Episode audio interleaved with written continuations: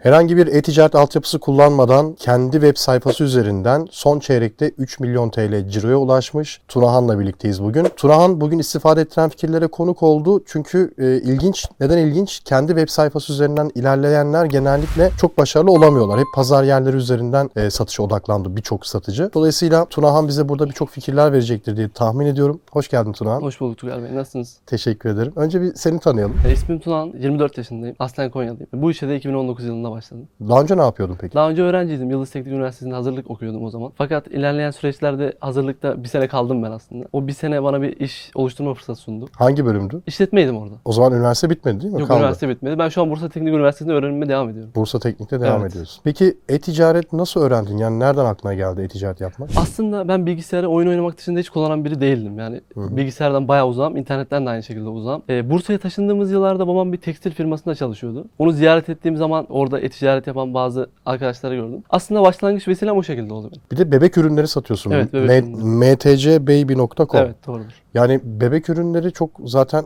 yani biz e-ticaret yaparken genelde kendi ilgi alanımızla alakalı Hı. ürünleri satmayı tercih Hı. ederiz ki üründen anlayalım, müşterinin derdini bilelim, e, ona göre inovasyon yapalım, ürün geliştirelim. Şimdi bebek ürünleri e, nereden çıktı? Aslında dediğiniz gibi rekabetin çok yoğun olduğu bir pazar. Yani bana da oldukça uzak. Yani bilmiyorum daha önceden böyle bir sektör olduğunda daha ziyade. E, fakat bebek ürünleri fikri şuradan çıktı. Bursa'nın bebek ürünleri konusunda üretim kapasitesini kullanmak istedim aslında. Bunu fark ettim. O yüzden o sektöre yönelmek istedim. Yani peki annem baban sana bu konuda destek oldu mu o zamanlarda? Yani babam sermaye açısından e, işe ilk başladığım zamanlarda ufak bir sermaye verdi. 20 bin lira gibi bir sermaye ile başladım ben bu işe. 2018 yılında. 2018. 2018 yılında başladım. Aslında 5 sene oldu. Dediğim gibi ama e, faal olarak aslında 2019'dan sonra yapmaya başladım. Çünkü dediğim gibi bir sene ben daha e, ne yaptığımı anlamaya çalışma sürecindeydim. Yani olayların farkında değildim. Yurt dışı kaynaklardan eğitimler aldım gibi ilerledim. Peki ilk kurulumu nasıl yaptın? Yani altyapı olarak ne kullandın? E, altyapı olarak Bursa'da e, yerel bir kuru, marka vardı. E-Ticaret Soft. Hı. Onunla başladım. Aslında çok basic bir altyapıydı. Hem web tasarım olarak hem de arka planda e, gerçekten çok basic'ti. Şu an yine aynı altyapı Yok mı? aynı altyapıda değil. Başka yapı. Şu an bir özel yazılım kullanıyoruz. Anladım. Kendi firmamıza ait. Ona devam ediyoruz. Peki birçok kişi de şunu merak ediyor tabii.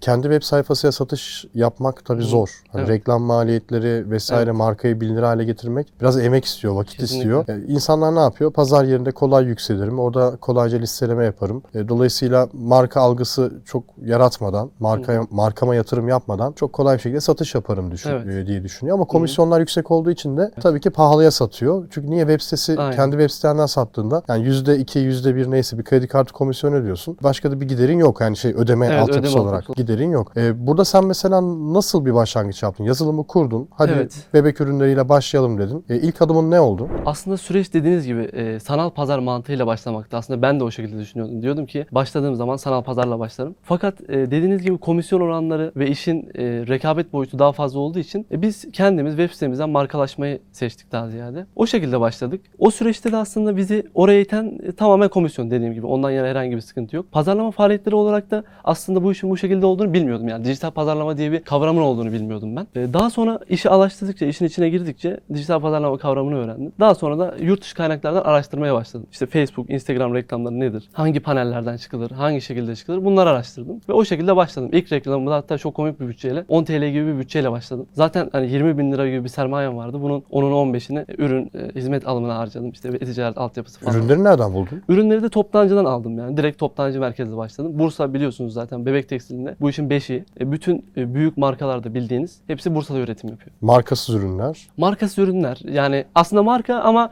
bilinmeyen markalar öyle söyleyeyim size. Anladım. Yani Ebebek'in Hello Baby'si gibi değil yani. Anladım. Hı hı. Peki fotoğrafları nasıl çektin? Sonuçta bebek ürünleri biraz özellikle Evet. kıyafetlerden bahsedeyim. İşte bir zıbını çekmek bence kolay değil. Bir emziği çekersin de Hı hı. bebek bulman lazım nihayetinde. Hı hı. Ee, o kısmı nasıl hallettin? Aslında mankenli çekime hiç başlamadım. Mankenli e, daha yeni yeni başladık hatta öyle söyleyeyim size 3-4 aydır. Mankenli çekim hiç yapmadık. Onun haricinde yani bildiğiniz stüdyoda ürünü nasıl bir tişört görsellersiniz. Modelsiz bir şekilde koyuyordum, çekiyordum. Arkasında da kupe yapıyordum Photoshop üzerinden. O şekilde web siteme yüklüyordum. Karını da ekliyordun. Karını da ekliyordum. İlk zamanlar nasıl bir karlılık karlılık vardı? Tamam. Yani e, normalde kar oranı olarak ben %100 de satıyordum. Ama e, yani bunun ilk zamanlarda tabii ROAS değerleri şu anda çok düştü ama e, şu anda mesela e, 1 bölü 20'si kadar bir reklam harcaması yapıyordum. Hı hı. Günlük cironun. İşte kargo ücreti vardı bunun içinde. Hemen hemen ortalama verecek olursak %30 ve %40 bandında bize bir kar kalıyordu o zamanlar. Şimdi ilk defa başladın, fotoğrafları çektin, web sayfasına Hı yükledin, bir tane yazılım aldın. Sonrasında pazarlamayı bilmiyorsun ama Evet. pazarlama öğrenmek gerektiğini farkına vardın. hı. Birkaç kaynaktan işte Evet. bir şekilde öğrendin, pazarlamaya başladın. Peki Aynen. Şimdi ben de zamanda kendi web sayfamda ki halen daha yapıyorum da geçmişte daha da çok yapıyordum. Ee, satış yaptığımda Google alışveriş reklamları çok popülerdi. Evet, Sonra Google evet. alışverişi kapattı. Normal anahtar kelime reklamlarına düştük vesaire. O Hı. zaman işler bayağı bir zorlaştı. Evet. E, ama o reklam optimizasyonu hani bilmekle alakalı bir şey de değil. Ben mesela çok iyi bildiğimi düşünüyordum. Hatta Google'dan destek alıyordum. Hani Google'dan hı. telefona destek onlar da optimizasyona yardımcı oluyordu ama bir türlü her zaman her istediğim olmuyordu. Yani orada çok para yakmak gerekiyor, uğraşmak Evet. gerekiyor. Oralarda nasıl bir süreç yaşadın? Oralardaki süreç şu şekildeydi. Ee, dediğiniz gibi aslında ben de Google merkezli başladım. Dedim ki Google üzerinden reklamlara çıkacağım diye. Fakat benim hedef kitlemin daha ziyade sosyal medyada olduğunu fark ettim. Aslında bu benim için bir avantajdı. Nasıl fark ettin? E, nasıl fark ettim? E, Çünkü sürekli deniyordum yani sürekli farklı platformlardan deniyordum. Hem Google üzerinden hem Business Manager üzerinden yani Facebook, Instagram reklamları için deniyordum. Oradaki hedef kitlenin bana daha çok sonuç getirdiğini fark ettim. Ya özellikle farklı reklam kreatifleri denedim. İşte arka planlarını değiştiriyordum, video çektiriyordum işte ürünlerle ilgili. Ya bu bana o tarafın daha verimli olacağı izlenimini oluşturdu. Ve bunun sonucunda da günlük dediğim gibi 10 lira, 20 lira bütçelerle bu şekilde reklam vermeye başladım. Peki ilk böyle hani biz bu işi yapacağız galiba dediğin zaman ne oldu ilk başladığında? Pandemi. Pandemi. Evet. Covid-19 pandemisi. Bir sene bekledin o zaman. Evet bir sene yani neredeyse zarar ederek bekledim. Hatta bununla ilgili çok komik bir hikayem vardır. Yani biz hatta yani hiç satış yapamıyoruz. Mahalle arasında e, bir depo tutmak zorunda kaldık. Yani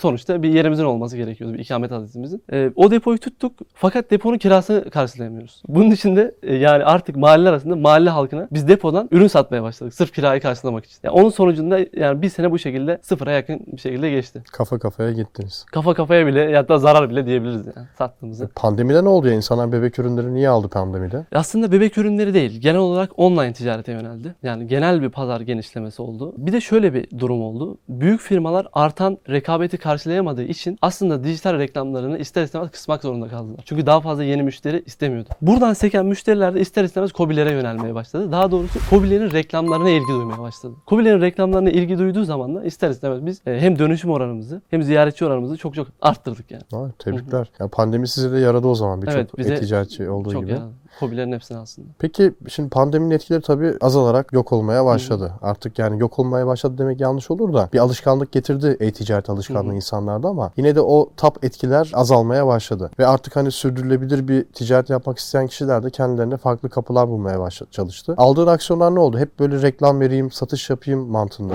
Yani aslında dediğiniz gibi e, pandemi sonrasındaki o ivme ister istemez düştü. Fakat biz bu süreçte e, daha ziyade viral büyümeye odaklandık. Yani reklamdan sonra biraz daha artık viral büyüyelim e, şeyine geldik. Ya pandemiden sonra evet e, cirolarımız bizim 3 katına, 5 katına, 10 katına çıktı. Yani bundan herhangi bir problem yok ama oradan dönenleri biz tekrardan dijital pazarlama reklamlarında ya da panellerde harcamak istemedik. Biraz daha viral kanallara yönelmek istedik. Bunun için de influencerları kullandık genel olarak. Ama tabii hani e, gene dijital pazarlama faaliyetlerimiz devam etti bu süreçte. Ya mesela şey var. Şimdi tabii ben eskiden çalıştığım için isim verebilirim. Hı hı. Tabii reklam gibi olmasın da. Evet. Setrov'la çalışıyordum ben mesela geçmişte. Evet. Kendi web sayfamla e-ticaret yaparken. Ee, sonra web sayfasını kapattık tabii ki. Farklı sebeplerden ötürü. Orada mesela müşteriyi analiz etmeye çalışıyorduk. Hani müşteri geldiğinde işte sepetine bir ürün ekledi almadı. Müşteriye bir gün sonra mesaj gönderiyordu. Diyordu ki sepetinde bu ürünü eklemiştin almadın. Kararını etkileyici, etkilemek istiyoruz. Size %30'luk bir indirim kuponu Evet. veriyoruz diyorduk mesela. Onlar bizim dönüşümleri bayağı bir artırıyordu. Evet. Böyle yeniden pazarlama aksiyonları aldınız mı hiç? Kesinlikle remarketing kullanıyorduk zaten. Hala da kullanmaya devam N- ediyoruz. nasıl yapıyordunuz? Ya genelde biz dediğim gibi hem Google üzerinden görüntülü reklam ağıyla hem de aynı şekilde dijital pazarlama faaliyetlerinden Facebook, Instagram kanallarından yapıyoruz. Ama bunun haricinde maile özel mesela indirim tanımladığımız oluyor. Ya da özel kampanya dönemlerinde SMS marketing yapıyoruz ve bu şekilde müşteriyi içeride tutmaya çalışıyoruz. Fakat bizim esas başarılı olduğumuz alan aslında uygun fiyat. Yani bizim sektörde yani büyük markalarda kar marjları çok yüksek ama bizim için biraz daha düşük ve bu yüzden bizi aslında müşteri tercih ediyor. Bizim için avantaj oluşturan kısım burası. Yani aslında böyle bir farklılıkla da baş başa kalınca müşteri diğer şeylerden, markalardan ister istemez size yönelmek zorunda kalıyor belli bir süre sonra. Çünkü biliyorsunuz enflasyonun çok artmasından kaynaklı olarak ceplerimiz yanıyor. Böyle ucuz markalara ama kaliteli yani hani ucuzdan kastım hani çok ucuz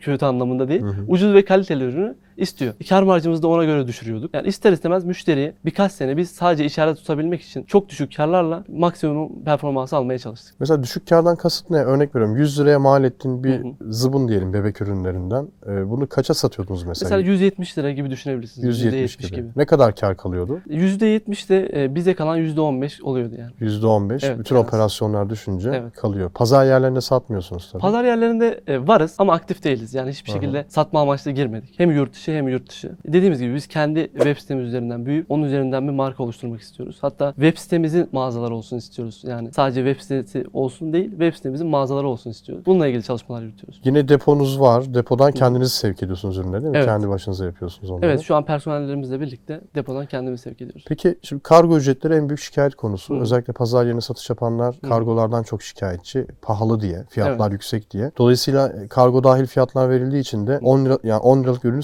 satamıyorsun. Evet. En az 70-80 liralık ürün maliyeti olacak ki Hı hı. sen onu 200-250'ye sat bir bir 10 lira 15 lira para kazan. Yani bu mantıklı ilerliyor Evet. artık e-ticaret. Çünkü kargo çok pahalı, komisyonlar yüksek vesaire. Şimdi siz kendi web sayfanızdan yaptığınız için hadi komisyon yok sadece kredi kartı komisyonu Evet. var. Kargoyu nasıl çözdünüz? Kargo ile ilgili de şöyle bir kampanya modülü geliştirdik. Aslında şu anki web sitelerin hepsinde hemen hemen var. Yani X tutar üzerinde ücretsiz kargo. Hani bizim maliyetimizi karşılayabilecek atıyorum 400 liralık bir siparişte kargo maliyeti ne kadardı mesela? E, %10'u geçmeyecek şekilde mesela. O şekilde ayarlama yaptık. 400 TL üzerinde mesela ücretsiz kargo dedik. 40 lira bize kargo maliyeti olduğunu varsayarak. Ama bunu da şu şekilde hesaplıyoruz. Sadece gönderdiğimiz kargo özelinde değil, e, bir de bize gelebilecek olan iade özelinde hesapladık. O şekilde bir maliyet ortaya çıkarıyoruz. Tabii kargo ücreti arttığında biz de o X tutarı e, aynı oranda arttırıyoruz. Şimdi son çeyrekte 3 milyon TL civarında bir ciro bence güzel bir ciro. Yani 3 ayda 3 Evet. milyon, ayda 1 milyon aşağı Hı hı. yukarı. Ki son çeyrekte e, kastın da herhalde şey Ocak, Şubat, Mart'ı kastediyorsun değil mi? Yani, Yok son çeyrekten Yani bahsediyorum.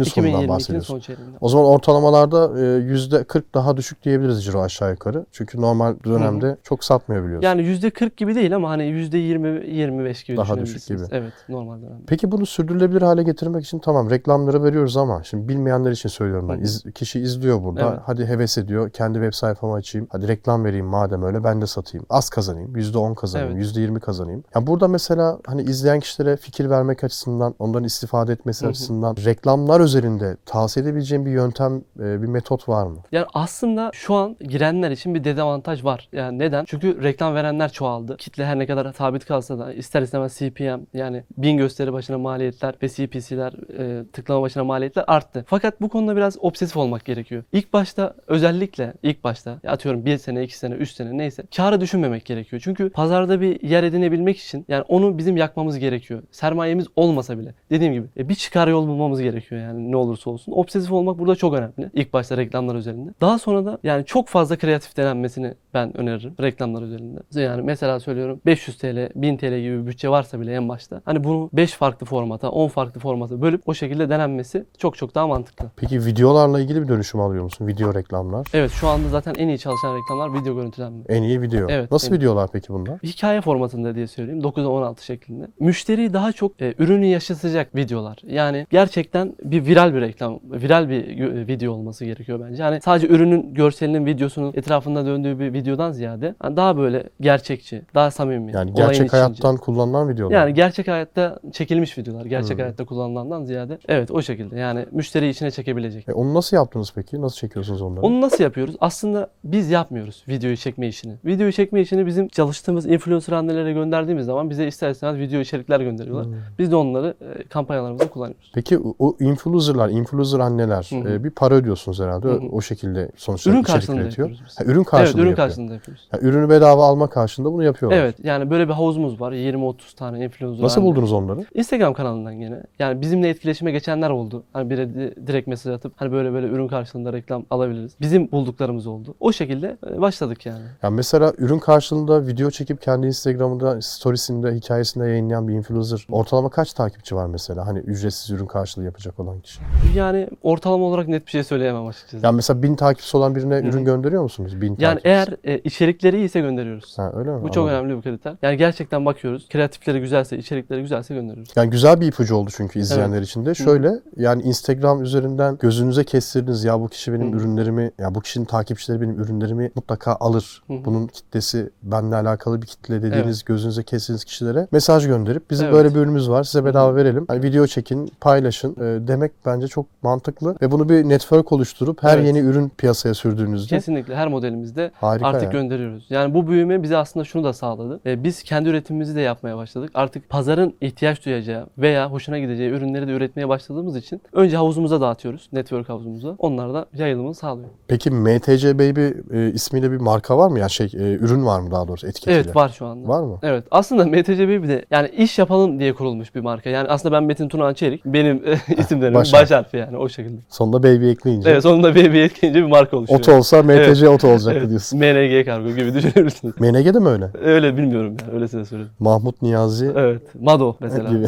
örneğinde. Anladım tamam. E, güzel yani gerçekten bence ilerleyişiniz iyi. Tamam, Marka olma yolunda gidiyorsunuz. Peki gelecekteki plan ne? Yani aslında gelecekteki planımız dediğim gibi yani mağazalaşmak en nihayet. Mağaza. Evet. Markalaşma için bence önemli. E-ticaret bu kadar iyi olmasına rağmen önemli. Çünkü Hı hı. özellikle bizim sektörümüzde tekstilde ya mağaza bir numaralı kalem. Yani ister istemez üzerinde görmek istiyor yani müşteri. Bebek dahi olsa. Çünkü hani kalıplar bir olmuyor. e, görseldeki renk tonu tutmuyor. İster istemez mağazaya gidip o pamuk hissiyatını almak istiyor. Özellikle bebek tekstil ürünlerinde. Ben olsam şey düşünürdüm ilk önce. Hem tamam mağaza güzel fikir ama biraz maliyetli. Onun yerine zaten MTC Baby markasıyla bir ürün Hı yapılmış. Evet, yani yapılıyor. o, yani o logo o marka ürünlerin üzerinde yapışık zaten. Evet. E, giderim mesela bu tarz büyük perakendecilere atıyorum Hı ismi Ebebek aklıma Ebebek. Heh, Ebebek var mesela. Ya benim markam bu. Bunu mağazamda sat. Hı hı. E, ya bir şekilde hani orada para kazanma kaygısı değil de markayı tanıtma e, amacıyla öyle bir şey yap- yapmayı denerdim. Baktım talep görüyor. Evet. Ondan sonra mağazacılık iyi olabilir. Ya tabii ama yani biz şundan eminiz. Ya bizim ürettiğimiz ürünlerde genel olarak talep görüyor zaten. Ya çünkü artık ister istemez yani kurt gibi düşünün. Hani böyle piyasayı koklarsınız ya. Artık onu ister istemez hissedebiliyorsunuz. Hani hangi ürünün gidip gitmeyeceğini, hangi ürünün perakende de daha çok rağbet göreceğini, hangi ürünün daha çok online'da rağbet göreceğini hissedebiliyorsunuz zaten. O yüzden ondan yana bizim bir çekincemiz yok yani. Ürettiğimiz ürün %90 ihtimalle satılır. Ya bir de bebek kategorisi özellikle bebek tekstili diyelim. Yaşlara bölündüğü için işte 0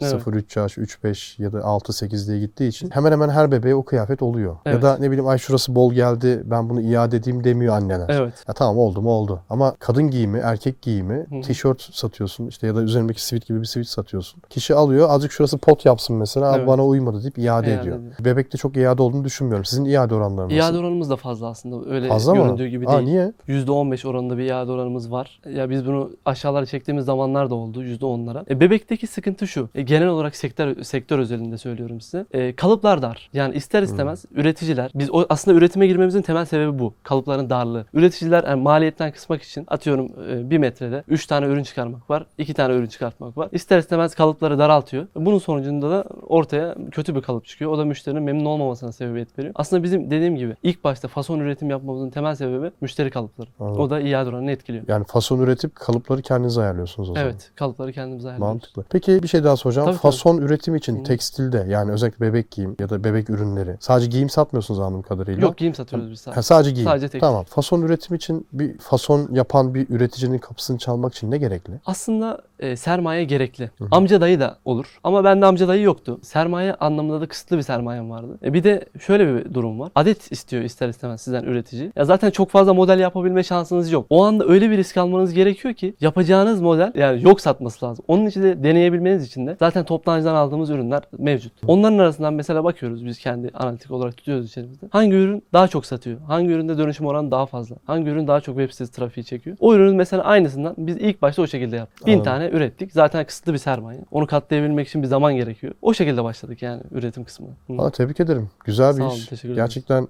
hikayeniz de güzel. ilerleyişiniz de iyi. Yani bu istikrarla bence mağazalaşmak çok hayal değil. Evet, Uzak değil. Umarım.